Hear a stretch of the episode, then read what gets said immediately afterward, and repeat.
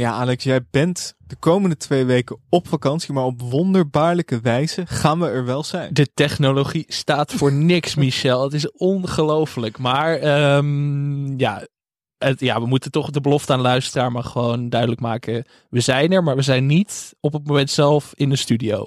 Is dat Nee. duidelijk? Dat is duidelijk. We gaan, we gaan het ook niet helemaal hebben over de actualiteit. Nee. Even twee keer een special. Ik snap dat iedereen zit te wachten. Wat vinden jullie van Domino Challenge met Ruben Nicolai? Ja. Ik snap dat de mensen echt balen dat ze 1% daarop moeten wachten. Ja, ook nog. ook nog niet besproken. Ja, het is, eh, Oh, we laten oh. een gat vallen Ja. en ik, ik, ik ben ook bang dat iemand daarin gaat springen. Ja, ik ook. AD Media Podcast. Zeker, ja, Angela weer eh, on top of it. Maar ja, we nemen dus twee specials op voor de mensen. Om toch, ja, we moeten ze toch iets geven. Een zoethoudertje. Als je het hoort en je denkt, ik heb een heel leuk idee voor een special, dit moeten jullie doen, mag het altijd laten weten. Moet je Gaan wel misschien meteen als je geluisterd hebt laten weten. Waarschijnlijk gaan we dat niet inderdaad eh, meteen doen, maar we kunnen het een keer doen. Ja, maar dus goed om te weten. We zijn er even niet met de reguliere aflevering, maar we brengen wel afleveringen uit. Devil works hard, but televisie works harder. Zeker. En ik ga lekker op vakantie en dan ga ik wel lekker naar die specials luisteren, denk ik. Ja, toch even van, oh, wat, wat gaan ze nu weer zeggen? Dit is Televisie, de podcast over Nederlandse televisieprogramma's. Mijn naam is Michel Dodeman, tegenover mij zit Alex Mazereel en wij kijken lineaire tv, zodat jullie dat ook gaan doen. In deze aflevering bespreken we het programma Hello Goodbye. Wil je ook een programma indienen en extra content beluisteren? Word dan vriend van de show via de link in de beschrijving.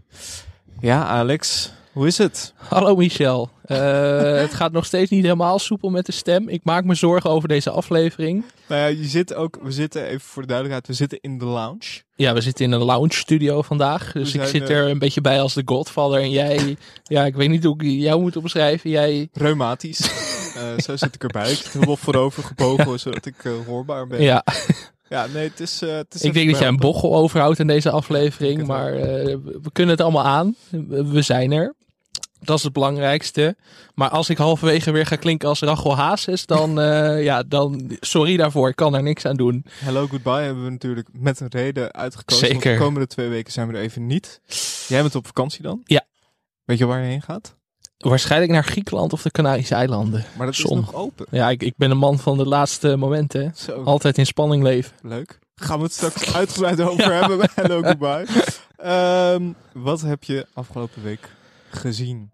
Matthijs. Laten we daarmee beginnen. Het was de grote Matthijsweek, hè? Ja. Pop 22 en de Connection. En ik wil graag met de Connection beginnen. Heel graag. Ehm, want ja, de Connection is Pantalon Matthijs. Pop 22 is Jeans Matthijs. En dat is een belangrijk onderscheid. Komen we zo ook op terug. Nieuwe kennisquiz van Matthijs van Nieuwkerk. Ja, de, de, de big catch van deze eh, aflevering is dat het allemaal neerkomt op één grote overkoepelende connectie. Ja, dat is eigenlijk het antwoord Ja. op de vraag waar ze eh, de drie deelnemers naar op zoek zijn. Ja. We hebben hier veel vragen over Ja. Het leeft onder de mensen. Eh, Michel Riemersma zei, waarom heeft Matthijs geen vaste plek om te staan, zitten, hangen? Weet ik ook niet. Nou, Bewegelijke Matthijs. Ja, ik, dat heb ik dus ook opgeschreven. Matthijs, sinds de wereld er door, is hij alleen maar aan het bewegen. Bij Matthijs gaat door zit hij af en toe nog, maar hij is ook veel, veel actief. Nee, we kregen hier eh, nog een bericht over Oh. van eh, Sam Anne van Dijk. Die zei, heren, de uitzending van de Connection laat mij niet meer los. Waarom staat Matthijs geen seconde stil? Laat Matthijs in zijn programma's niet te veel eh, zich inkleuren door zijn BN'er-vrienden. Rob Kemps, Ilse de Lange en dit keer eigenlijk Ronald Snijders. En tot slot, waarom dachten ze bij de redactievergadering... die prijs, laten we een hippe NFT doen? Allemaal goede vragen eh, waar wij het antwoord niet op weten. Die hippe NFT's die zijn 100.000 euro's waard, man. Zoals om Matthijs even zelf te citeren. Wat ik heel leuk vond, ik had... Ik vond het allereerst genieten. Het is opgenomen. Het is een soort geschiedenislokaal slash bibliotheek. Een grote koepel bijna zou je het kunnen noemen. Maar wat ik heel goed vond, dat ik soms het idee had dat Matthijs het format ook niet helemaal snapte.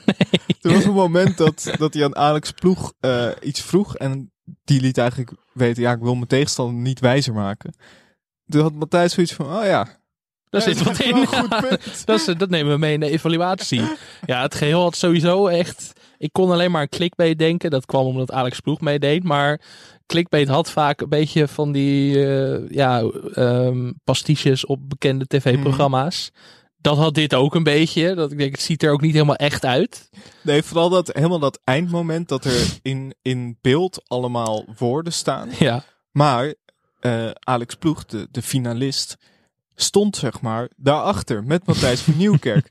dus wij wisten, hij ziet dit niet in beeld. Hij ziet wel waarschijnlijk deze woorden in beeld op een scherm of zo. Ja. Maar hij ziet niet wat wij zien. En dat liep me niet meer los. En ik had ook, nou ja, net als eh, onze luisteraars, ik, ik zat daar helemaal, ik was in verwarring, maar ik vond het ook wel leuk. En ik, het was echt wel, ik, ik heb het hele weekend alleen maar aan Ja, gedacht ik aan ook. de connection. Bij alles ook om me heen dacht ik meteen, ja, waterglas, Ja, microfoontje. Ja, wat is daar spaarrood. Alex, wat is hier de connection dan? Ja, televisie. Ja, dat is toch, je gaat overal dwarsverbanden zien in de, in de, om je heen. Hè? Dat is toch, ik dacht eerst van het is sub format, maar als je dan dit programma is toch een van de, nu al een van de meest invloedrijke programma's van 2022 geweest.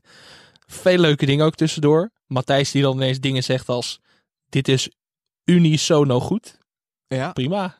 ja. Ja, ehm, deze ronde is formidabel gespeeld. Mijn dank daarvoor. ja, ja. En ook gewoon keihard. Het is gewoon niet goed. Gewoon Nee. ook, nee, gewoon duidelijk. Ik vind Matthijs echt een leuke, leuke quizmaster. Ja, is echt een goede. Daar is hij echt voor geboren. Ja. Of als hij het woord Blackbusters. Blackbu ja, ik kan het niet eens als Matthijs. Blackbusters. Zoiets zegt hij het. Ja, het is, het is een heerlijk programma. En mogen we dan ook meteen naar Pop 22? Tuurlijk. Ook een heerlijk programma. Presenteert hij dus samen met Ilse de Lange. Dat is de Jeans Matthijs. Dat is de iets, ja, iets meer de getapte jongen, weet je wel. Veronica Matthijs. Veronica Matthijs. Ja, een beetje, een beetje eh, Jeroen van Inkel, weet je, dat, dat type. Ja, het programma, Stenders een beetje. maar ja, we kennen Matthijs natuurlijk altijd eh, formidabel gekleed, weet je, als strakke blouses, goede jasjes, nette pantalons. Maar hier was hij gewoon kroeg Matthijs. Dat Ja. vond ik ook mooi om te zien. En hij begint dan al goed met, we mogen het maken, maar we zouden het moeten mogen maken. Dan denk ik, Frans Klein luistert hier mee. Hmm, Dit was gewoon een keiharde sneer. ja. Ze mochten ook maar twee uitzendingen maken om het te proberen. Vond ik wel weinig. Hmm. Eh, maar goed, Matthijs vond het zelf ook, want hij zei... Programma's zoals dit zouden een culturele dienstplicht moeten zijn van de publieke omroep. Kijk. Zo. Ja, Frans Klein durf je hier nu nog maar eens tegen in te gaan. Ja, nee, er wordt gewoon de tien extra afleveringen besteld nu, denk ik. Maar het programma viert dus actuele popmuziek van hoog naar laag. En ik heb er wel van genoten, moet ik zeggen. Ja? Matthijs en muziek vind ik echt een perfecte combi. Maar met jou opvallend weinig kijkers. Ja, vond ik ook tegenvallen. Eh, donderdagavond geen lekkere avond hiervoor. Nee? Beetje net als Mediastorm, niet op zaterdagavond moet je misschien ruilen of zo. Want Ja, dit, dit is een zaterdagavond. dit is een zaterdag. Je kunt toch beter eerst de connection, lekker even kennis met Matthijs en dan losgaan.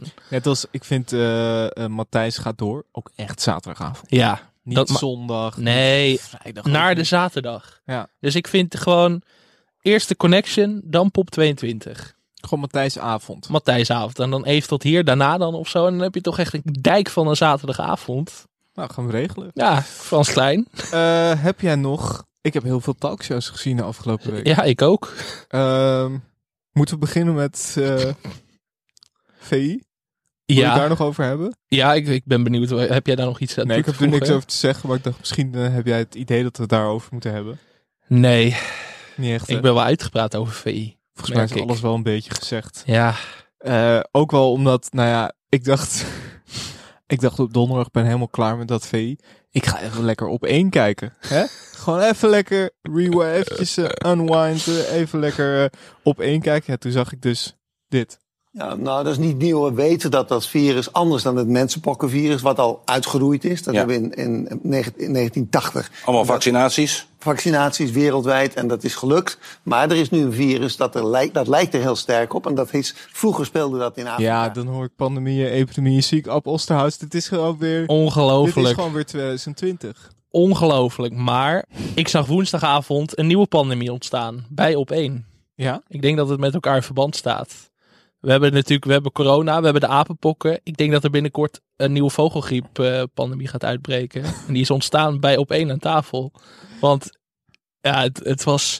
Ik denk dat dit mijn tv-hoogtepunt van het jaar was. Dus ga er even voor zitten. Ik schakelde lekker op één in. eh, of ik schakelde lekker in bij op één Hoe zat je, zat je op je bank? Ik had mijn tv-recensieweek, dus dan heb ik klapblokje erbij. Laptop heb ik programma aanstaan, tv-programma aanstaan. Op een iPadje ook meestal nog een programmaatje aanstaan. Maar dat zet ik allemaal uit voor op één. Dan ga ik even zitten. Zeker omdat woensdag is de avond van Carrie en Charles. Dat is gekkenhuis. Dat is gekhuis. En het was de dag waarop het nieuws naar buiten kwam van eh, de Nokia van Mark Rutte.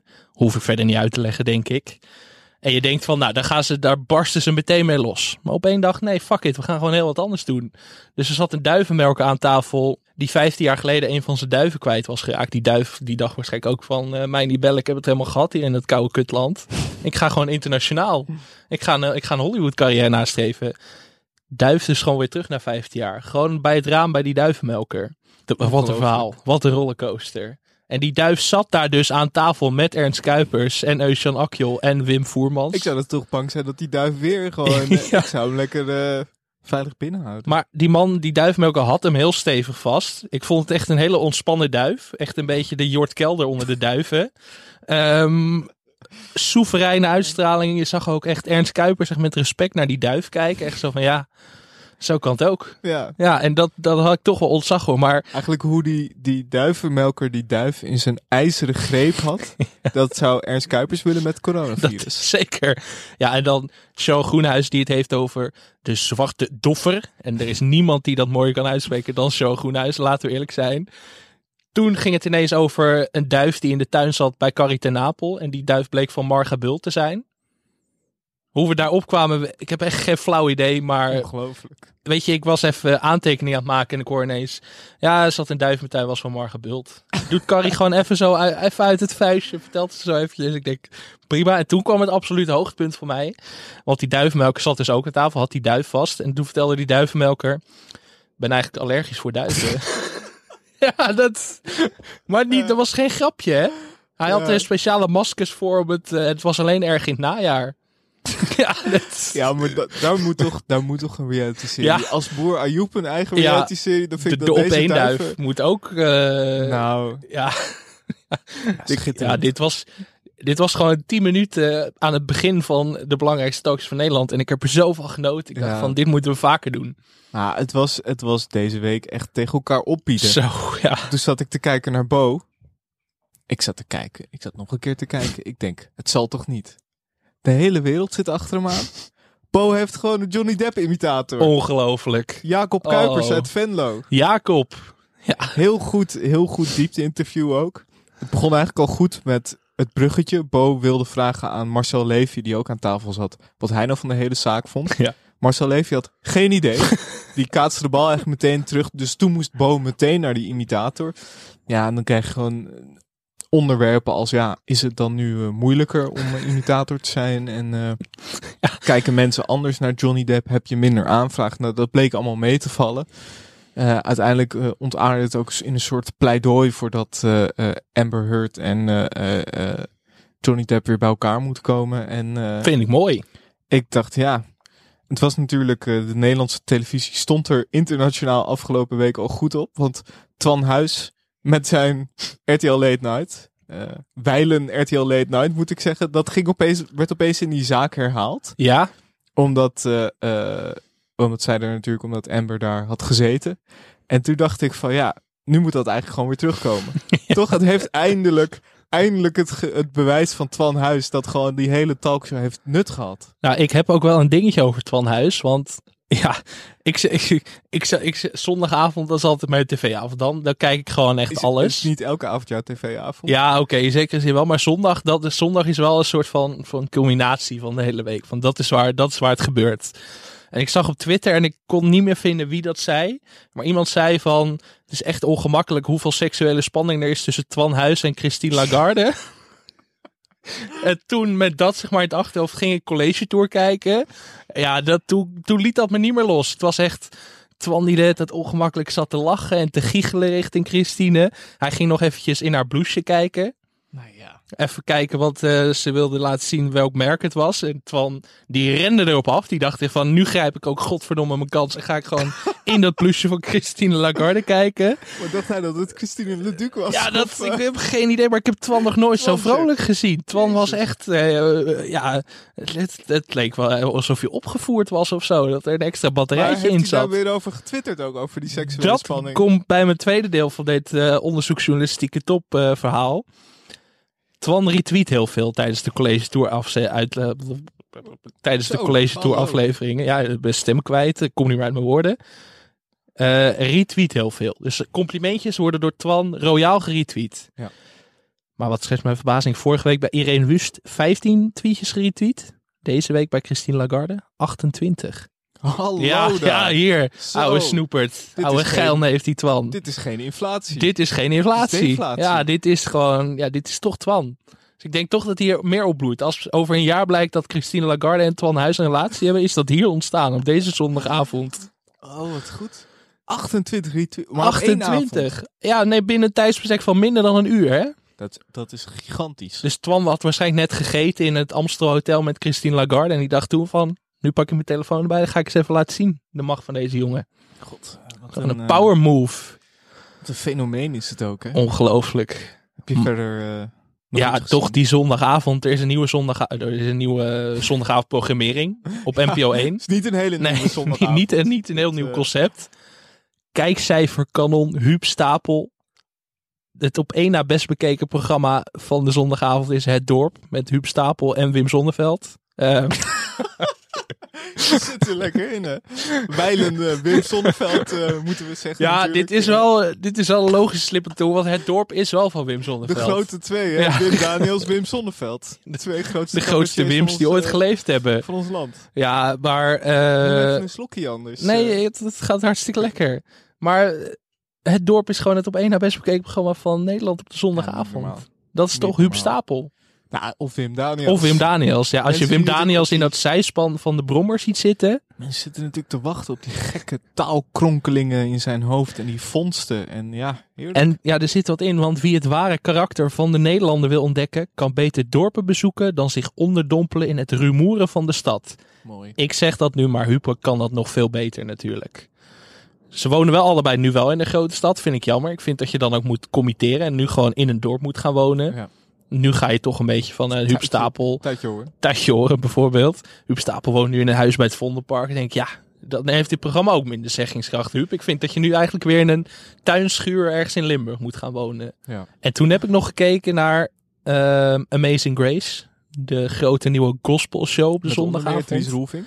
Met Dries Roelvink, die kleine jongen in gospelvorm deed. Ja, dat is eigenlijk alles wat ik erover moet zeggen. Moeten we even naar luisteren.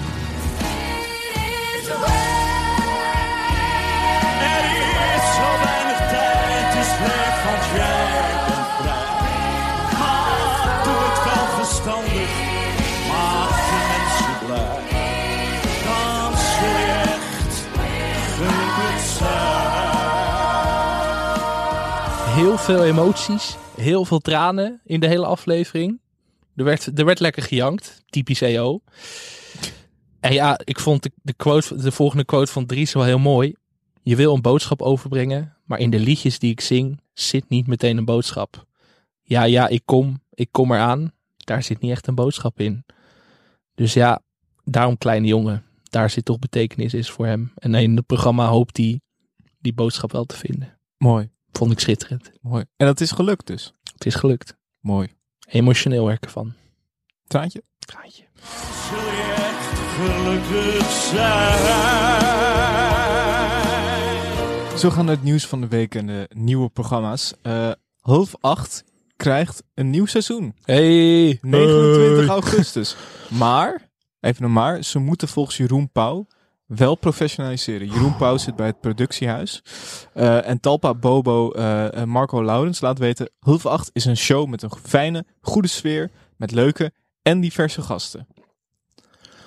Ik heb wel een paar tips om Oké, eh, ja. half 8 te verbeteren. Van mij natuurlijk als formatoloog. Omdat- Succesvol, ja, succesvol tv-podcaster natuurlijk ook. Ja, eh, tv-ticoon. Zeker, eh, ja. eigenlijk. eh, en ja, ik dacht natuurlijk, moet ze ook een beetje helpen. hè. Ze, ze willen professionaliseren. Dus ik heb vijf tips. Eerste tip, meer advisser Ja, over diverse onderwerpen. ja. Mag over voetbal, mag over muziek, mag over van alles. Ehm, tweede tip, laatst hadden ze Wierduk en Fidan Ekis aan tafel. We waren een beetje aan het kibbelen, waren het niet altijd oneens. Of we waren het niet altijd eens. Ook niet altijd oneens trouwens. Ehm, ook leuk. Vaker koppers, koppels aan tafel. Relatietherapie Ja, in een talkshow. gewoon live. Eh derde tip, ik blijf toch zeggen, je hebt de H, je hebt de L, je hebt de F en de 8. Dus je hebt Helene Hendricks, Leonie Terbraak. en dan heb je nog een F nodig. Nou ja, dan denk ik aan Frits Hoefnagel. Of Ferdy Stofmeel, een van die twee. eh, om, om, de, om ja, de HLF 8 eh, compleet te maken. Frits Sissing zou ook nog kunnen. Ja, tuurlijk. Ja, maar ja, kan je die weg... Kan je dat maken? Kan je dat maken? Ik vond Mediacourant wel weer vernietigend. Je ziet ook, Mediacourant wordt steeds meer een tv-recensent aan zich. Want het stuk over eh, de, de, ja, de doorstart van Hulf 8 begon met deze alinea. Het is al sinds de première aflevering een mislukking. Hulf 8. Het programma scoorde eigenlijk alleen goed als Johnny de Mol weer iets had op te biechten.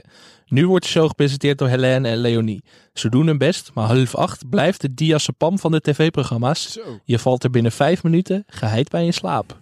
Vond ik tamelijk... eh, Niet met mijn tips. niet met jouw tips. Nee, dan gaat het tips. helemaal los. Vier tip. Muzikale column eh, Guus Meeuwis. Elke dag. Mogelijk ook meerdere per aflevering. Liever Dries Roelvink.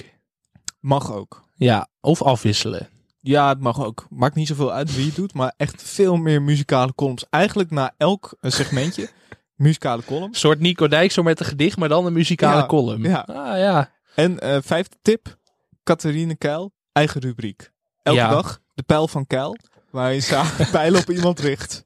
Gewoon even vijf minuten knallen. Hier ben ik helemaal voor. Dit heeft me over de streep getrokken. Ja. Als dat gebeurt, ga ik elke, echt elke avond kijken. Ik had hier eigenlijk de pijl van Keil. Was ook eigenlijk mijn format van vandaag. Maar ik heb toch iets anders gekozen. Dat er eigenlijk een beetje op... eh, ja, dat ook rijmt. Maar ik dacht, eh, die, die hoort hier. Ja, ik heb hier staan. Poont wil de VI trio. Ja. Nee, Ja. geen zin in. Nee, Toch helemaal, ik helemaal geen zin raar. in. Ik dacht echt Ja. dat het bullshit zou zijn. Dat de NPO VI zou willen hebben. Maar Toch ook weer niet. Ik vind het ook wel weer een typische Frans Klein move. Ja? Ja.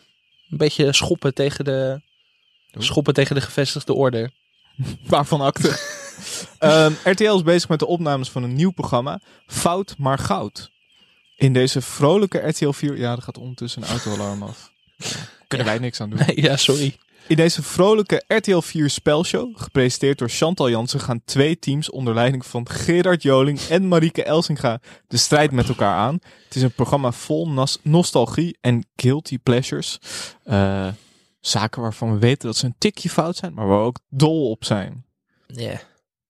Er zit ook een mystery guest in. Kan ik je daarmee nog overtuigen? Nee. Wie dan? Ja, dat is weer. Marijke Helwegen in een box zeker. Nee, maar dit is, dit is RTL. Dit is wel een, dit is wel een stapje boven Vinkjes uit de box. Hè? Ik bedoel, Chantal Jansen, Gerard Joling, Marieke Elsinga. maar dat zijn de A-kanonnen. klinkt wel een beetje als dat, oh wat een jaar. Is dit niet gewoon een soort Ja. van hetzelfde? Het is natuurlijk min of meer hetzelfde. Wat ook min of meer hetzelfde is, is de nieuwe reality game show van SBS. Een jaar van je leven. Ja, Een nieuwe reality game show waarin 40 deelnemers een jaar ertussenuit gaan met als doel 1 miljoen euro winnen. bij shownieuws waren ze hier helemaal lyrisch over. Ik heb hier twee keer een mail over gehad of ik eraan mee wilde doen. Dus ze, zijn heel naarstig op zoek naar... eh, Dat snap ik wel, want als je de beschrijving van het programma leest. In een jaar van je leven verblijven 40 deelnemers voor een jaar lang op één locatie met enkel basisvoorzieningen. Om in hun levensonderhoud te voorzien krijgen ze opdrachten waarmee ze geld kunnen verdienen voor de huishoudpot. Is die pot leeg, maar wil de groep toch iets bestellen, kunnen ze de grote prijzenpot aanspreken. Het gevolg is wel dat aan het eind van het jaar de uiteindelijke winnaar met een lagere prijs naar huis gaat. Dit klinkt heel erg leuk. dit is Utopia. Ja, Maar dan, je hoeft net ik iets moest er ook aan denken. Een beetje Big Brother ook ertussendoor. Nou, Nou ja. dit kan niet anders dan een gigantisch succes worden. Utopia als, had eh, ook nog elke dag gewoon 400.000 kijkers. Dus het zou me niks verbazen als het hier ook het geval is. Ja, ik eh, ben eh, niet benieuwd. miljoen BN'ers op dat hele kleine stukje aarde. Ze draven overal voorop. BN'ers zijn het De BN'er van de week. Ja. Het nieuw, iedereen heeft het erover. Zeker, Mensen op straat Ja. houden niet op. Eh, ik word aangeklampt. Wie is de BN'er van deze week? Ik kan het natuurlijk niet zeggen totdat deze aflevering begint. Maar onze BN'er van de week is niemand minder dan Patrick Lodiers. En we hebben een actueel haakje in dit geval. Ja, want eh, hij steekt de handen uit de mouwen. Hij is namelijk betrokken bij een nieuw tv-programma genaamd Manifest Stenenkoorts. Eh daarbij staat hij drie jonge Zwolse journalisten bij, heel specifiek. Alle drie. eh, die zich gaan buigen over diverse vragen die in het hoofd spoken van starters op de woningmarkt. En ja, Patrick Lodiers, een paar fun facts. Het is altijd weer drie fun facts. Oh. Patrick, in zijn jeugd werd hij ooit Zeeuws dam, eh, ja, damkampioen. Ik wilde zeggen dartkampioen. Dat had ook gekund. Eh, Patrick speelde zichzelf in De Kok en de Moord op de Middenstip. Deel 1 en deel 2. Die bewaren we voor onze grote baan, de baantje special, als die er ooit komt. Ja, en eh, Patrick presenteerde de nieuwste show. Een verre voorloper van Zondag met Lubach. Met onder Ja. meer Tel Bekkant als sportverslaggever. Jeroen van Koningsbrugge, eh Arie Komen en eh, Sylvester Zwanenveld. Legendarisch. Wegbereider. We hebben natuurlijk ook de mediacourant kop van de BNR. Dat is NPO wijst pilot van Patrick Lodiers over IS af. Geen context verder. Ehm, woont in Apkoude.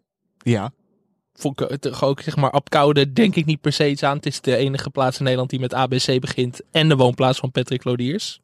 Patrick. Patrick, sorry. Ik, ik wilde mezelf al verbeteren. Komt uit Vlissingen. En ik zat te denken, is Patrick het beste exportproduct dat Vlissingen ooit heeft voortgebracht? Dat lijkt me wel. Ik heb even de drie andere bekendste opties waren Danny Blind. Nou, dat zou nog kunnen. Scholletje. Pascal Jacobsen. Zo. Bluff. Ja. Ja. Of Jeroen Rietbergen. Poeh. Nou, ja, dat, Oh, nog een jaar geleden had ik gezegd Jeroen Rietbergen, maar dat is nu toch gevoelig eh, Ja. gaan liggen. Dus ik denk toch dat Patrick dat is. God, wat een leuk duo zou dat zijn. Danny Blind en Patrick Ja, Lodiers. dat programma zou ik ook heel graag willen zien. Patrick heeft zijn zoon vernoemd naar Otis Redding. Vond ik ook een leuke fun fact. Die heet Redding. Ja, zeker. En eh, trivia, fan van Elvis Presley. Ik vind dat Patrick zou daar wel een programma over mogen krijgen. Ik bedoel, elke BN'er mag natuurlijk Ja, een programma over de artiest waar hij of zij fan van is. Patrick zou dat goed kunnen ook. Hè? Het is sowieso één groot mysterie. Patrick. Elf. Ja, Patrick. Ja, nee. Ik bedoel, die Elvis daar eh, weten we van de hoed van en de rand. Maar van Patrick. Dat Nee, is maar een- je bent, je, bent, je bent een hele middag aan het researchen van Patrick. Maar je komt eigenlijk niet heel veel deur tegen. Nee, Ik vond komt, het heel erg meevallen. Je komt niet verder bij die man. Ik vind wel dat hij wel heel erg op Jair Verwer lijkt. Ja, Als je die steeds, twee, steeds meer ook, hebben hè. die twee ooit met elkaar in één ruimte gezeten? Ze morfen een beetje naar elkaar toe. Ik eh. vertrouw het niet helemaal hoor. Wist je trouwens dat hij vroeger naar de zeevaartschool wilde? Nee, dat Zijn vader was stuurman. Oh ja? Ja, Wat leuk. soms fantaseert hij daar nog over. Om met een schip de oceaan over te steken. Nee, Denk ik had toch gewoon met de boot naar Amerika. Ja, tuurlijk. Mooi. Nou, ik vond het weer heel leuk. Ik De banner van de week is zo'n groot succes. Het is ongelooflijk. Ik vind het zelf echt het leukste Ja. eh, onderdeel. eh, fijn om eh, in de levens van al die mensen te duiken. Ja, ik zie Patrick nu alleen maar met zo'n kapiteinspet thuis opzitten. Dat hij fantaseert Of over. met zo'n Elvis-pruik. Of allebei. We gaan naar het format van de week. We kregen er eentje binnengestuurd van Selene Brinkhoff. Ik, ik heb het al een keer goed gedaan. Ik heb het een keer fout gedaan. Ik weet niet of ik haar naam nu goed uitspreek, maar ik hoop het. Eh, zij zegt eh, format variant op alles wat in de vorige aflevering is besproken. Vrouwen die trouwen. Vrouwelijke BN'ers worden opgeleid tot babs. Winnaar mag het huwelijk van André Hazes junior sluiten. De vraag is nog even met wie. Coach Imka Marina. Ja. Eh, presentator Carlo Boshart. En ze zegt erbij nog aanvulling. In een parallel dateprogramma gaat Dre op zoek naar zijn liefde. En vlak voor de bruiloft komt Bert van Leeuwen de relatie met Rachel herstellen. Oh, mooi. Ja, goed. Ja, je had me al bij Im Camarina was ik om. Tuurlijk. Ja, Ja, prachtig. ja, heel leuk. Goed format. Dankjewel. Ik had er zelf ook nog één. Bananasplit is al een tijdje van de buis. Ja. Dus ik denk, kun je daar niet iets mee verzinnen met de Juice Channels? ja Om dat wel. samen te voegen met de B- grote BNR-stunt. Dat dat een soort opwarmertje was voor... Met Yvonne en eh, Talita. Ja, welk team ben jij? Ja, ik vind, het, ik vind het vooral heel knap van BNR. Dat ze gewoon dat hele team met die slinkse onderzoeksjournalisten. die dan toch Ja. gelukt is om Ja. haar om de tuin te leiden. Terwijl dat Ja. hebben er veel geprobeerd. Oh, ja, Ja, dat is alleen knap. voor de echt grote weg. Ik vind het knap. Maar ja, als je moet kiezen tussen Talita en Yvonne, is het toch een beetje als kiezen tussen de twee moeders. Dat kan gewoon nee, niet. precies. Dat kan Eh, niet. allebei onze tv-moeders. Ja, eh. zeker. Ehm, Ik had zelf nog een formatje. Klein formatje. De preek van Freek. Eh, zanger en musicalster Freek Bartels wint zich op over actuele onderwerpen, literatuur, sport, entertainment, nieuws, klimaatproblematiek.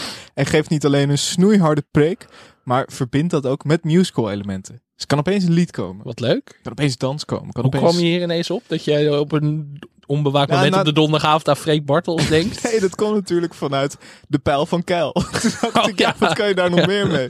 De preek van Freek, toen dacht ik, Freek de Jonge, Freek Vonk. Ja, Freek Bartels. We hadden er ook nog eentje op Twitter van Bas Brouwer. Oh ja. Louis Vuitton. Eh, Louis van Gaal en Tom Kas nemen in een maandelijks modeprogramma samen de al dan niet voetbalgerelateerde modetrends door. Bij voorkeur in een kasteel onder een kroonluchter. prachtig. Wissel Henk optioneel. Ja, nou ja, eh, Bas, jongen, erelid van de Michel Dodemat Format Academy. eh, geweldig weer. Eh, lijkt me een goed moment om, eh goed bruggetje om eh, over te gaan naar ons programma van vandaag. Hello, goodbye,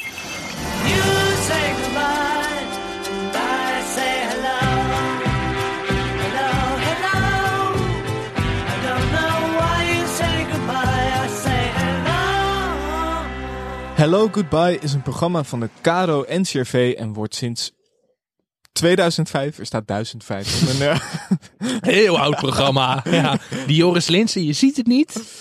sinds 2005 uitgezonden op NPO 1. In het programma staat een camerateam op luchthaven Schiphol. De presentator spreekt mensen aan die staan te wachten op een aankomst of een vertrek op zoek naar persoonlijke verhalen over liefde, familiebanden en vriendschap. De eerste 14 seizoenen werden gepresenteerd door, uiteraard, Joris Linsen. Ehm, in 2013 stopte hij tijdelijk en werd hij vervangen door Klaas Drupsteen, Legend of the Game.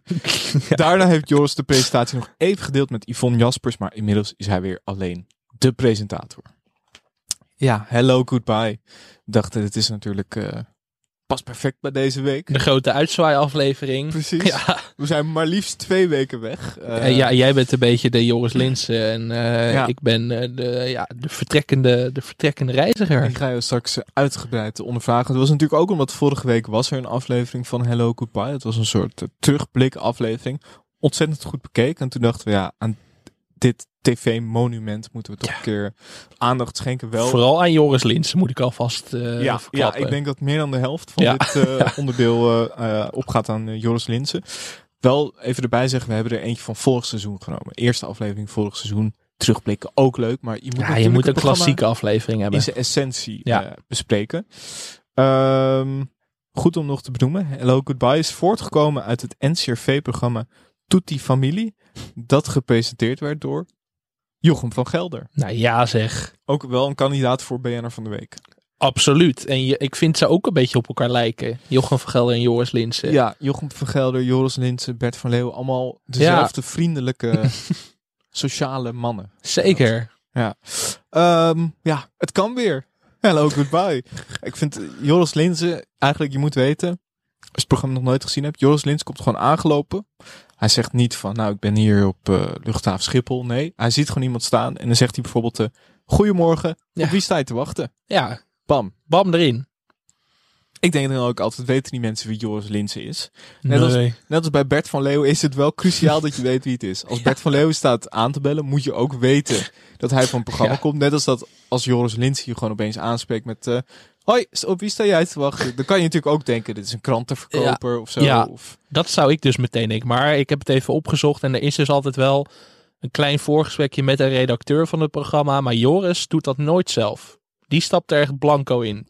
Dus ze zeggen waarschijnlijk wel van, er komt zo'n man met een leuk blouseje aan, die gaat je wat vragen stellen. maar dat is het dan ook. Nee, maar dat snap ik ook, want anders heeft hij alleen maar van die gesprekken van... Hoi, op wie Ja. sta jij te wachten? en dan is het van, eh, ja, mijn vriend is eh, twee dagen weg geweest Ja. met Duitsland. ja, heb je niet echt een goed gesprek. Het moet natuurlijk wel... Maar we begonnen al meteen heel goed met een emotioneel verhaal. Ja, een, een jonge vrouw die wacht op haar vriend die vanuit Canada komt. En ja, Joris gaat ook meteen de diepte Ja. in. Het is niet eventjes... eh, Het is wel, waar komt hij vandaan? Wat heeft hij daar gedaan? Bam, bam, bam. ja, er waren nog geen twee minuten bezig of Joris ramde de diepte in. Ja, Hoe uitzicht dat bij jou dat je mist? huilen. Elke dag huilen. Mooi. En een mevrouw en eh, haar vriend doen allebei aan, eh, aan motocross. Daar kennen ze elkaar ook van. En Joris vraagt dan ook meteen door naar die eerste ontmoeting. Ik zat ook te denken, je moet hier ook een beetje een romanticus voor zijn. Kan niet heel Ja. zakelijk. Nee, ik Zeg herkende maar, dus heel erg... Harry Mens zou dit niet kunnen Nee, want die nee. zou meteen op de... Harry kan alles, maar dit kan hij niet. Die zou meteen op de cijfers en die zou heel erg ingaan van wat voor bedrijf, wat voor bedrijf. eh. nee, je moet echt wel een beetje ook eh, op, eh, op de liefde, op de, op de relatie in kunnen gaan. Ja, maar ook meteen diepe gesprekken. In, binnen twee minuten al dingen als houden van heeft tijd nodig. Ja, Dat krijgt hij gewoon los uit die mensen. ja ze zei ook over haar vriend, hij zegt vaak lieve dingen, hij stelt me nooit teleur. Vond ik heel mooi. Ik dacht, ja, Nooit ruzie. nee. En daarna komt natuurlijk dan de emotionele hereniging. Nou, met een muziekje erbij, even om de emoties wat aan te dikken. Kippenvel meteen al. Toen waren we twee minuten bezig, Michel. Ik had in mijn hoofd veel meer dat het, eh, dat het wat lichter was. Ja, ik vond Minder het vrij beladen. zwaar. Daar komen we aan het eind van de aflevering nog wel op. Maar het was inderdaad wel allemaal heftige, on- he- heftige verhalen. Het was niet zo van... Ja, iemand is afgestudeerd en we gaan nu een feestje bouwen. Zo. Nee, het was nee, gewoon nee. allemaal keihard uh, De tissues, eh, de eh, tissues moet je wel klaar ja. staan als je gaat kijken. Ehm, en daarna weer zo'n vraag. Hallo, op wie Hallo. staan jullie te wachten? Ja, maar echt een lange hallo. Hallo. Hallo. Ja, Hallo. Dat val- valt me ook op. Soms is het een hoi of Ja. hoi. En soms een hallo. Soms ook goedemorgen. Ja, Dan ook net even te lang door dat je wel meteen de aandacht Maar wel vasthoudt. ook alweer, het is geen Gaston goeiemorgen. Nee, nee. Het is niet dat hij, er- dat hij erin knalt dat je meteen schrikt. Maar het zit een beetje tussen goedemorgen en goedemorgen. Goedemorgen! Daar Ja. zit het een beetje tussenin. Dat doet hij toch wel heel slim. Ja, eh, hij, eh, hij raakt in gesprek met een vrouw en zijn zoon heeft een eh, vriendin in Colombia. En de dochter van die man staat er ook. Dus eigenlijk eh, eh, een dochter en haar oma. Ja, Ehm, en hij, de man om wie het gaat, de, de vader slash eh, zoon, heeft een zwakke gezondheid sinds eh, 2016. Maar ik vond het wel een, een mooi gesprek dat hij met name had met de dochter. Die vertelde over dat hij door zijn herseninfarct best wel veranderd is. En dat de band eigenlijk ook wat minder is geworden. Toen dacht ik, dat is als presentator vind ik dat ook knap. Als interviewer. ja. Dat je dat toch eh, het soort van de diepste... En niet eh, bang zijn om vragen te stellen als wat betekent jouw vader voor jou? Ik zou dat al een beetje een ongemakkelijke vraag vinden na twee minuten. Ja, ja. Ik kom straks nog wel even op terug naar wat Joris Linsen nou de perfecte man hiervoor maakt. Ja. Maar inderdaad, je moet dat soort... eh, hij heeft natuurlijk ook Taxi gepresenteerd. Waarbij hij eigenlijk, waarbij, ook voor de mensen die dat niet kennen, hij was taxichauffeur. Maar mensen wisten niet dat hij eh, tegelijkertijd een tv-programma maakte en interviewer was. Maar ik kan me voorstellen dat dat wel een goede leerschool Ja. is. In die zin dat je ook de meest intieme dingen aan mensen moet vragen die gewoon denken... Ja, maar je bent me toch gewoon naar Leidsplein aan het brengen? Goed format hoor. ja, Ongelooflijk. Ja. Eh, Joris Lins was goed daarin, maar Maart Spanje was Oh. natuurlijk de, de koning. Ja. Nee, Ehm, jongens is de hello goodbye man. Dat is wel duidelijk denk ik. Ja, ja. We zien daarna ook eh, twee vrouwen met een spandoek. Waarop staat dat ze zo blij zijn. Dat was eventjes wel even, even een beetje opluchting. Ja. Even een beetje lichtheid. Even een beetje lichtheid, want hierna gingen we weer naar een redelijk zwaar onderwerp. Dat begon nog heel leuk. Eh, ging in gesprek met een meisje dat stond te wachten op haar vriend uit, op haar verloofde uit Amerika. Mhm. En ja, zij vertelde hoe ze elkaar ontmoet hadden. En toen dacht ik toch van ja, dit is voorbestemd. Ja, dit is Ja. voorbestemd hoor. Ik wil nog wel heel even terug naar dat jongetje, dus Boas. Het neefje van die mensen die zo blij waren. En ik dacht, die jongen is pas één. Die heeft al in de nabijheid van Joris Linsen Ja, verkeerd. Wat kan er dan nog misgaan is in je leven hè? televisie geweest. Joris Ongelooflijk. Linsen heeft een foto van ze gemaakt. Inderdaad, wat kan er dan nog? Dat is toch alsof je een soort zegen krijgt voor de rest van je leven. Het is gewoon alsof je gekust wordt door God. Zoiets moet Ja. het zijn. Ja. Maar goed, ja, dat was Ja. dus eh, daarna de vrouw. Ze heeft haar verloofde op Twitter Ja. ontmoet. Hij zag haar foto's en die vond hij leuk. En toen raakte ze aan de praat. En zo is toen eerst een vriendschap gegroeid. Nou ja, zo is het bij ons Dat is ook hoe de podcast is Ja. begonnen. Ik vond een paar van jouw foto's leuk. En zo eh, Ja. zijn we deze podcast Maar begonnen. we zitten nu nog in de vriendschapsfase. Maar ja, je weet ook niet hoe die Nee, dingen lopen. Nee. Dat kan allemaal. nee, ik wil ook heel graag bij jouw eh, Amerikaanse familie gaan wonen uiteindelijk, Michel. Maar dit, was, dit werd wel een steeds heftiger verhaal. ja, zeker. Ik vond het wel eh, dapper dat het, het meisje vertelde er wel open over. Ja, over Eh. haar depressie en over eh suïcidale gedachten die ze had. En eh, ook over de, vond ik ook mooi over de betekenis van haar tatoeages waar Joris naar vroeg. En dat, dat had daar ook mee te maken. En ja, ik weet niet, ik vond het wel, ik vond het knap dat programma, want ik kan me voorstellen, het kan ook te veel zijn. Hmm. Te veel, eh, soort van misschien echt serieuze, zware gesprekken. Maar toch omdat het wel hele interessante, een soort van, interessante, boeiende gesprekken zijn, haak je niet af of zo. Nee, totaal En Het niet. is ook niet dat het te zwaar voelt of dat je denkt, oh nee, hier, dit vind ik ongemakkelijk of hier... is toch wat Joris ook goed doet. Dat hij niet, niet meteen zo'n arm op de schouder legt van, ah, weet je wel. Dat doet hij niet. Niet meteen Nee. te sentimenteel. Precies. Ik denk toch met een mindere presentator gaat dat wel tegen, Ja, dan tegen je werken. Dan Ja, gaat het schuren. Daarna zien we een tussenstukje met de muziek. We zien wat geliefd is. We zien hier ook, gek moment, de schoenen van Joris echt pontificaal in beeld. Ja. Dat was echt een beetje wel Hugo de Jonge-achtige eh, schoenen. merk je ook waar Hugo de Jonge zijn inspiratie vandaan heeft gehaald. Ja, ja, Ja. ja. ja. ik vind sowieso wel de hele, ja, die outfits van Ja, Joris. ongelooflijk. Hele goede blouses. Vaak dan een leren jackie eroverheen. En dan inderdaad die fleurige schoentjes.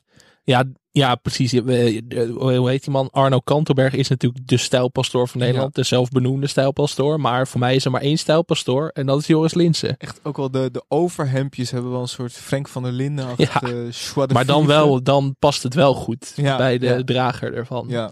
Bij Frank heb ik altijd het idee van, het is een beetje, eh, een beetje een act. Hij is er ooit mee begonnen. en ja, nu kan hij niet nu meer kan hij niet meer zonder. Nee. Maar bij Joris past het ook gewoon goed. Nee, dat is ook een, Past bij dat hoofd. Het blouseje past bij het hoofd. past ook bij zijn achtergrond. Ja, Caramba. Daar, daar denk je meteen als je Ja, die, als je die overhemdjes ziet. Caramba.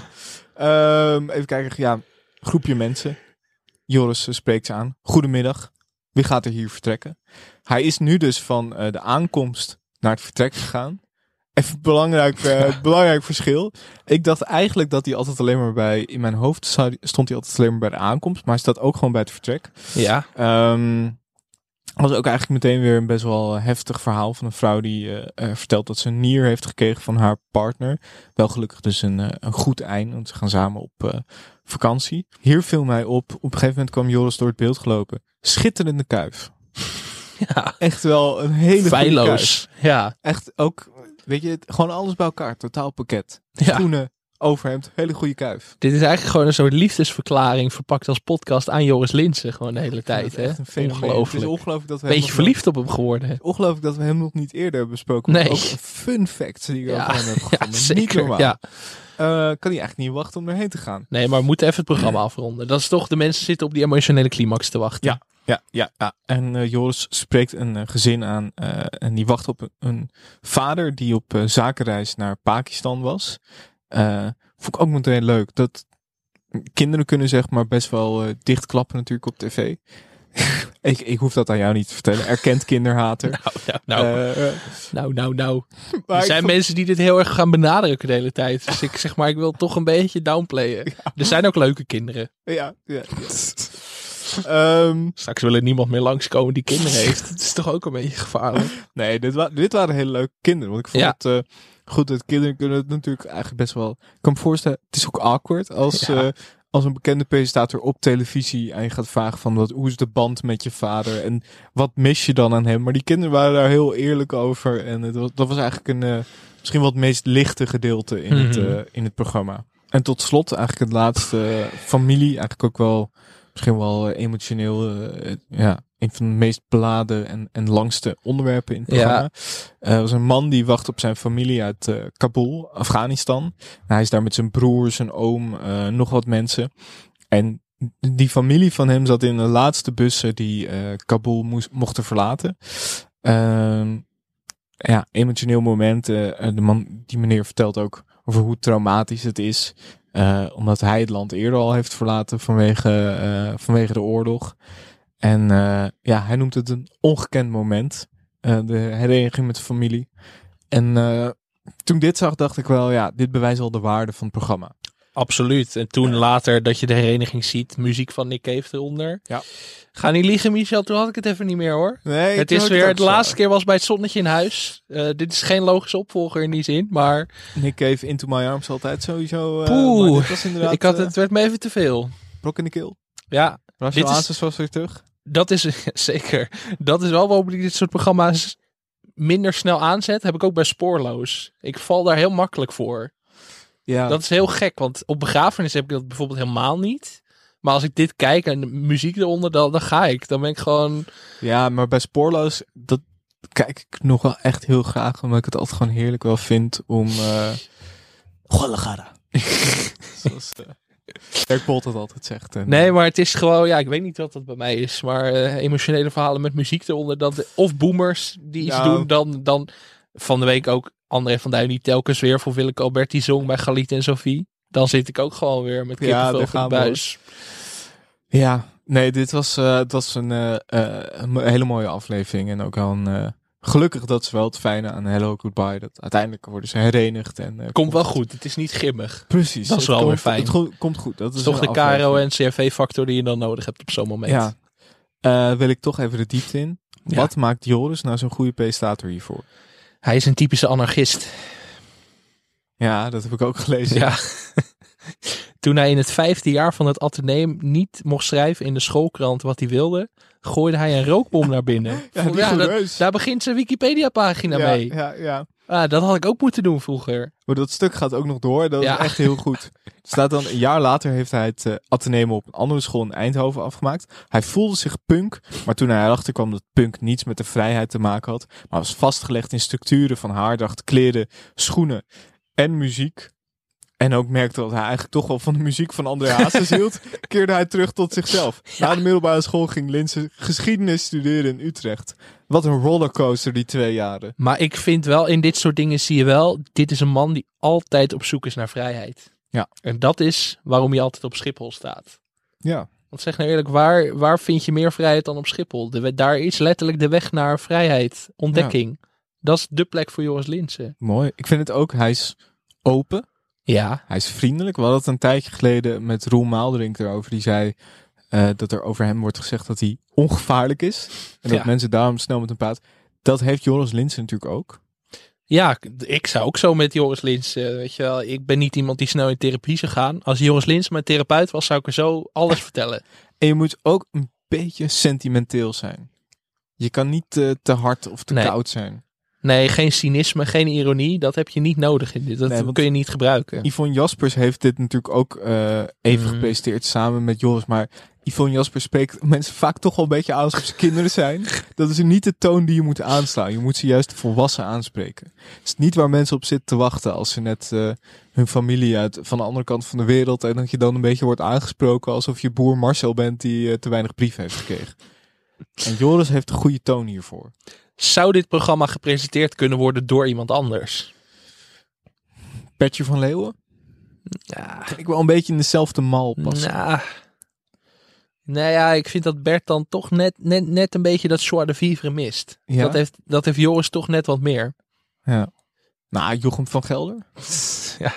Eh, Prime Jochem van Gelder. Even, Ja, maar Jochem, plaatjesmakers Jochem, van Gelder. Jochem heeft altijd iets kinds in zich, toch nog wel. dat, is, Ja. dat is misschien net iets te licht hiervoor. Dus ik denk toch dat Joris gewoon de perfecte man hiervoor is. Ja, Joris is ook een beetje... eh, ik weet niet of hij religieus is, maar hij heeft wel een beetje, weet je... Wel iets spiritueels over zich. Precies. Nee, het is toch Joris en anders niks. Ehm Of Klaas Drupsteen. Klaasje Drupsteen, ja. Wie kent hem niet? rigoureus aan de kant is geschoven, omdat hij niet bekend genoeg zou zijn. Nou, eh, stuur een bericht als je Klaas Drupsteen niet kent, hoor. Eh, nog wel wat fun facts over Joris Linsen. Samen met zijn amateurvoetbalvereniging eh, heeft hij onder de groepsnaam FC de Buurt een EK 2008 liedje uitgebracht. Getiteld De Twaalfde Man.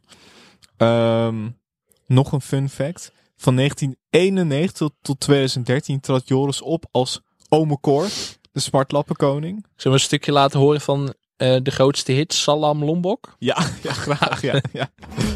Salam Lombok, salam Lombok. Een Marokkaanse braderie met frikandellen in een bok. Salam Lombok, salam Lombok. Een echte Utrechtse bazaar, alle satéetjes op een stok. En hij heeft natuurlijk zijn band Caramba, waarmee hij ook door Mexico eh, getoerd heeft. Ja, dat hoeven we verder niet meer uit te leggen. Nee, Hebben- dat is algemeen bekend. Joris natuurlijk ook gezien in The Masked Singer, in eh, onmogelijke duetten. Ja, zingende Joris Linsen kan ik ook wel van genieten. Moet nog meer uitgebuit worden. Waarom heeft Joris... Iedereen krijgt een muziekprogramma waarin ze de hele wereld rond mogen reizen. Waarom is Joris nooit naar Mexico gegaan? Ja, daar had een camera op moeten staan. Ja, Ja. Hij waarom is dat er niet? heeft ook eh, Man bij het Hond gedaan. Dus dan zie je toch ook een beetje van alle markten thuis, hè? Ik heb ook een heel goed interview in de Libelle gelezen met Joris. Oké. Een paar hoogtepunten. Op wie zou jij wat meer willen lijken? Op niemand. Ik heb liever de illusie dat ik uniek ben. Vond ik mooi. Ja. Wat is de grootste blunder die je ooit hebt gemaakt? Stoppen met hello goodbye. Gelukkig kon ik die blunder een paar jaar later herstellen. Waar, Gelukkig was Klaas Drupsteen in de tussentijd niet zo bekend geworden dat hij... eh, waar kun jij wakker van liggen? Van geniale ideeën. mooi. Die schrijf ik dan op in een kladblokje naast mijn bed. 's ochtends denk ik dan vaak, was dat het? Ja, ja, herkenbaar. Ja, zeker. Ja, mooi. Ehm, welk talent zou je graag willen hebben? Viool spelen. Vind ik ook wel echt iets voor Joris. Ja, Maestro zou die ook een goede deelnemer voor ja zijn. zeker. Wat is jouw slechtste gewoonte? Het obsessief tellen van de eerste zeven slokken water in de ochtend. Soort bijgeloof. Waarom zeven slokken? Ja, dat klinkt Ja. eh en, dan om, en dan om af te sluiten, waar fiets jij voor om? Om verveling tegen te gaan. Ik vind dat je nooit de kortste route moet nemen, maar altijd een nieuwe moet uitproberen. En Mooi. dat tekent voor mij de mens Joris Linsen. Ja. Vond ik echt prachtig. Zou hij dat op Schiphol ook doen? Ik denk het eigenlijk weer, altijd weer een andere gate pakken. Ja, toch even wat verder lopen. Ja, mooi. Ja, ja het, eh, ik heb er al met al eh, van genoten. Ja, hè? Een klassieker. Ja, was het waard om te bespreken. ongelooflijk. Echt prachtig, Joris. En hello goodbye ook. Zullen we gaan naar eh, de luisteraarspost van eh, deze week? We hebben ook weer vier nieuwe vrienden van de show. Jesse van Olstade, Manon, Vicky en Hanne. Eh, welkom. Welkom, welkom in de groep. Jullie kunnen vanaf nu ook de aftertalk. Ja, dat, dat is een voorrecht. Ja, Ja. Dat, is, dat is voor de elite. Ja, de aftertalk luisteren. Eh, we kregen nog een paar reacties op het, oh, het Songfestival vorige week. Een vriendin van de show Meerte zei... Mika is inderdaad niet Italiaans, maar hij spreekt het vloeiend, eh, de taal. En hij was de coach van Maneskin toen zij meededen met de Italiaanse X-Factor. Kijk, dit is, dit is achtergrondinfo. We kregen ook nog wat eh, reacties op onze Belgische woede. Joelle zei... Niet alles van België nu opeens afzweren. In België was dit jaar Wallonië verantwoordelijk voor het eh, Eurovisie Songfestival. En van de Waalse vakjury krijgen we amper of nooit punten. Vorig jaar gaf de Vlaamse jury ook geen punten aan Frankrijk. Wij zitten, wij zitten eigenlijk in een soort politiek schouwspel. Zijn Ja. wij inbeland en daardoor daar krijgen zijn wij slachtoffer van geworden. Ja, Maar ik vind het toch ook dat dan de ene, het ene jaar de Waalse vakjury en de andere... Ja, het is... split dat land lekker op en geef gewoon de helft aan Nederland en de andere helft aan Frankrijk. Dan ben je van het glazen Ja, af. vind ik ook hoor. Dan hebben wij ook gewoon de verhulsjes. Kunnen we dat Zo, gewoon zonder ja. zorgen bespreken. Nou, we kregen daar, we kregen het gewoon weer aangevraagd, eh, de verhulsjes. Ja, ik, we kunnen er niet omheen. We moeten dat toch voor de zomer een keer. Misschien moeten we de laatste aflevering voor onze zomerstop. Mag jij, mag jij een programma kiezen? Mag ik een programma kiezen? Leuk. Toch? Oh, dan ga ik weer een oude sitcom pakken. Ja, Die niemand ooit gezien heeft. En eh, Mark Knoop zei ook nog, na jullie rant over België is het misschien goed om te weten dat de Belgische telefoters ons wel 10 punten gaven. Ja. Bij deze Belgische telefoters, mea culpa. Ja. De Waalse vakjury daarentegen. Je kan echt de vinkentering krijgen. Ja, echt geen goed Laatste waarschuwing. over. En Ongelooflijk. Volgend jaar gaan we wel weer gewoon normaal punten geven. Maar het jaar daarna Ja. geen punt van ons als die Waal, Waalse vakjury weer aan Met eh, een zet fucking is. lelijke, met een waals. Wat is dat dan voor een onzin? Ja. Wat hebben zij dan voor kunnen- steden? Ze kunnen niet eens Nederlands. Kunnen niet eens wegen bouwen. Ja, dat ook. Ja. Ehm, even kijken, we kregen ook nog een reactie van Frank van Neerven. hey, onze curator van het museum dat we vergeten zijn vandaag. Daarom zeg ik, hey, die zegt ja. Top aflevering. Eh, de tweets van Gerry Eikhoff terecht door naar het museum als pronkstuk mogen we wel zeggen. Ja, de zegen van de meester. Ja, als de meester zelf zegt, dan... Wat nemen we nu mee? Blouseje van Ja, Joris? dat zal ik ook aan te denken. Schoentjes? De kuif van Joris? Opening van Joris. Ja, Hallo, ja. goedemorgen. Ja, vind ik wel mooi. Ja. Opening van Joris Linsen. Eh, Oké, ehm, ja, Sam Planting, dat hebben we al beantwoord. Maar die vroeg, ja, Team Talita of Team Yvonne? Kan niet kiezen. Kan ik kiezen. Eh Rodney Verhoeven zei, jullie moeten het nog even over Jos hebben. Heb jij nou gekeken? Misschien voor de aftertalk? Doen we in de aftertalk. Voor de aftertalk. Eh, even kijken. Sarah eh, stuurde ook nog een bericht. Hoi mannen, heerlijke podcast. Dankjewel Sarah. Dat was het niet. Er kwam nog meer. Willen jullie het hebben over het tv-programma Ongehoord Nederland? Ik zat met verbazing te kijken. Sarah, als ik heel eerlijk ben, dat willen we niet. Nee. nee. nee, ik heb toen naar de eerste aflevering gekeken en ik had echt het gevoel dat mijn oogbollen eruit Ja, wilden poppen. En Ik zie wel eens een, een flart voorbij komen. Dan gaat het weer om... eh, Het is een beetje alsof je in een vat zoutzuur springt of zo. Ja, Vrijwillig. ja. Dus eh, Sorry Sarah. tenzij er, ja... Liever niet. Misschien, eh, als er een goede aanleiding is, dan eh, zullen we het ongetwijfeld... We, we kunnen er niet omheen. Want Is ook- Sarah vriend van de show? Is een belangrijke... eh, ja, dan gaan we gewoon een thema-uitzending nou, maken. zeker. Arnold Karskens de gast. Moet gewoon kunnen. Ja, eh, en we kregen ook nog een bericht van onze nieuwe vriendin van de show, Vicky. Die zegt, wat voor luisteraars hebben jullie qua target group? Want er zit na jullie podcast een reclame voor een lease Renault vanaf 479 euro per maand. Mijn arme studieschuld gaat dat nooit kunnen betalen. Vicky, ik zal je heel eerlijk zeggen, ik kan het absoluut ook niet Ik betalen. vind het een rare opmerking. We rijden allemaal in een Renault hier. ik heb niet eens geld voor een rijbewijs, joh. ja. ja, nee, maar dat, dat gaat allemaal buiten ons om. Dat is gewoon... Nee, ja. Ik zou ook zeggen misschien Videoland, eh NPO Start Plus, eh, HBO Max. Maar nee, eh, Renault leaseauto is blijkbaar... eh, ik weet ook niet hoe dat kan. Volgende week eh, vakantiehuis in de Algarve, denk ik. Renault, topsponsor. Is helemaal geen Ja. sponsor. Is gewoon, nee, die advertenties worden er volgens mij... Er zit geen uitgebreide strategie achter. Als Renault ons echt wil sponsoren, Ja, nee, dan kan ja. natuurlijk. Topauto. De Als ze ons een leaseauto willen Ja. geven. De Renault BN'er van de week. Ja, nee, Het ja. Renault Megane formatje van vandaag. Nou goed. Wel nog even... Hoi, waar ga jij naartoe? Eh, Canarische eilanden, Michel. Wat ga je daar doen? Mijn trauma's verwerken. Oké, Ik heb Think Inside the Box moeten kijken en dat, eh, dat heeft me ver teruggeworpen. En ik, moet, ik heb tijd nodig om daarvan te herstellen. Dus ik ga die tijd... eh, ik, ik moet eigenlijk mezelf terugvinden. Daar komt het neer. Ga je Nederland missen? Nee. Ik ben wel klaar met dat, dat, bekrompen, dat bekrompen gevoel van de Nederlander. Onze volksaard, ja. Het is beklemmend, weet je wel. Het is beklemmend. Mooi. Ja. Tot slot wil ik nog heel even van jou weten. Woensdag is de eh, Conference League finale. Eh, ja, Jij gaat niet naar Tirana, want je hebt geen ticket. nee. Voor zover, kijk, kan natuurlijk altijd nog. Als mensen je heel snel tickets eh, Ja, aanbieden. mag nog steeds. Waar ga je kijken? Ik ga in Rotterdam kijken. Wauw. Dus als Leuk. mensen me daar willen aanspreken.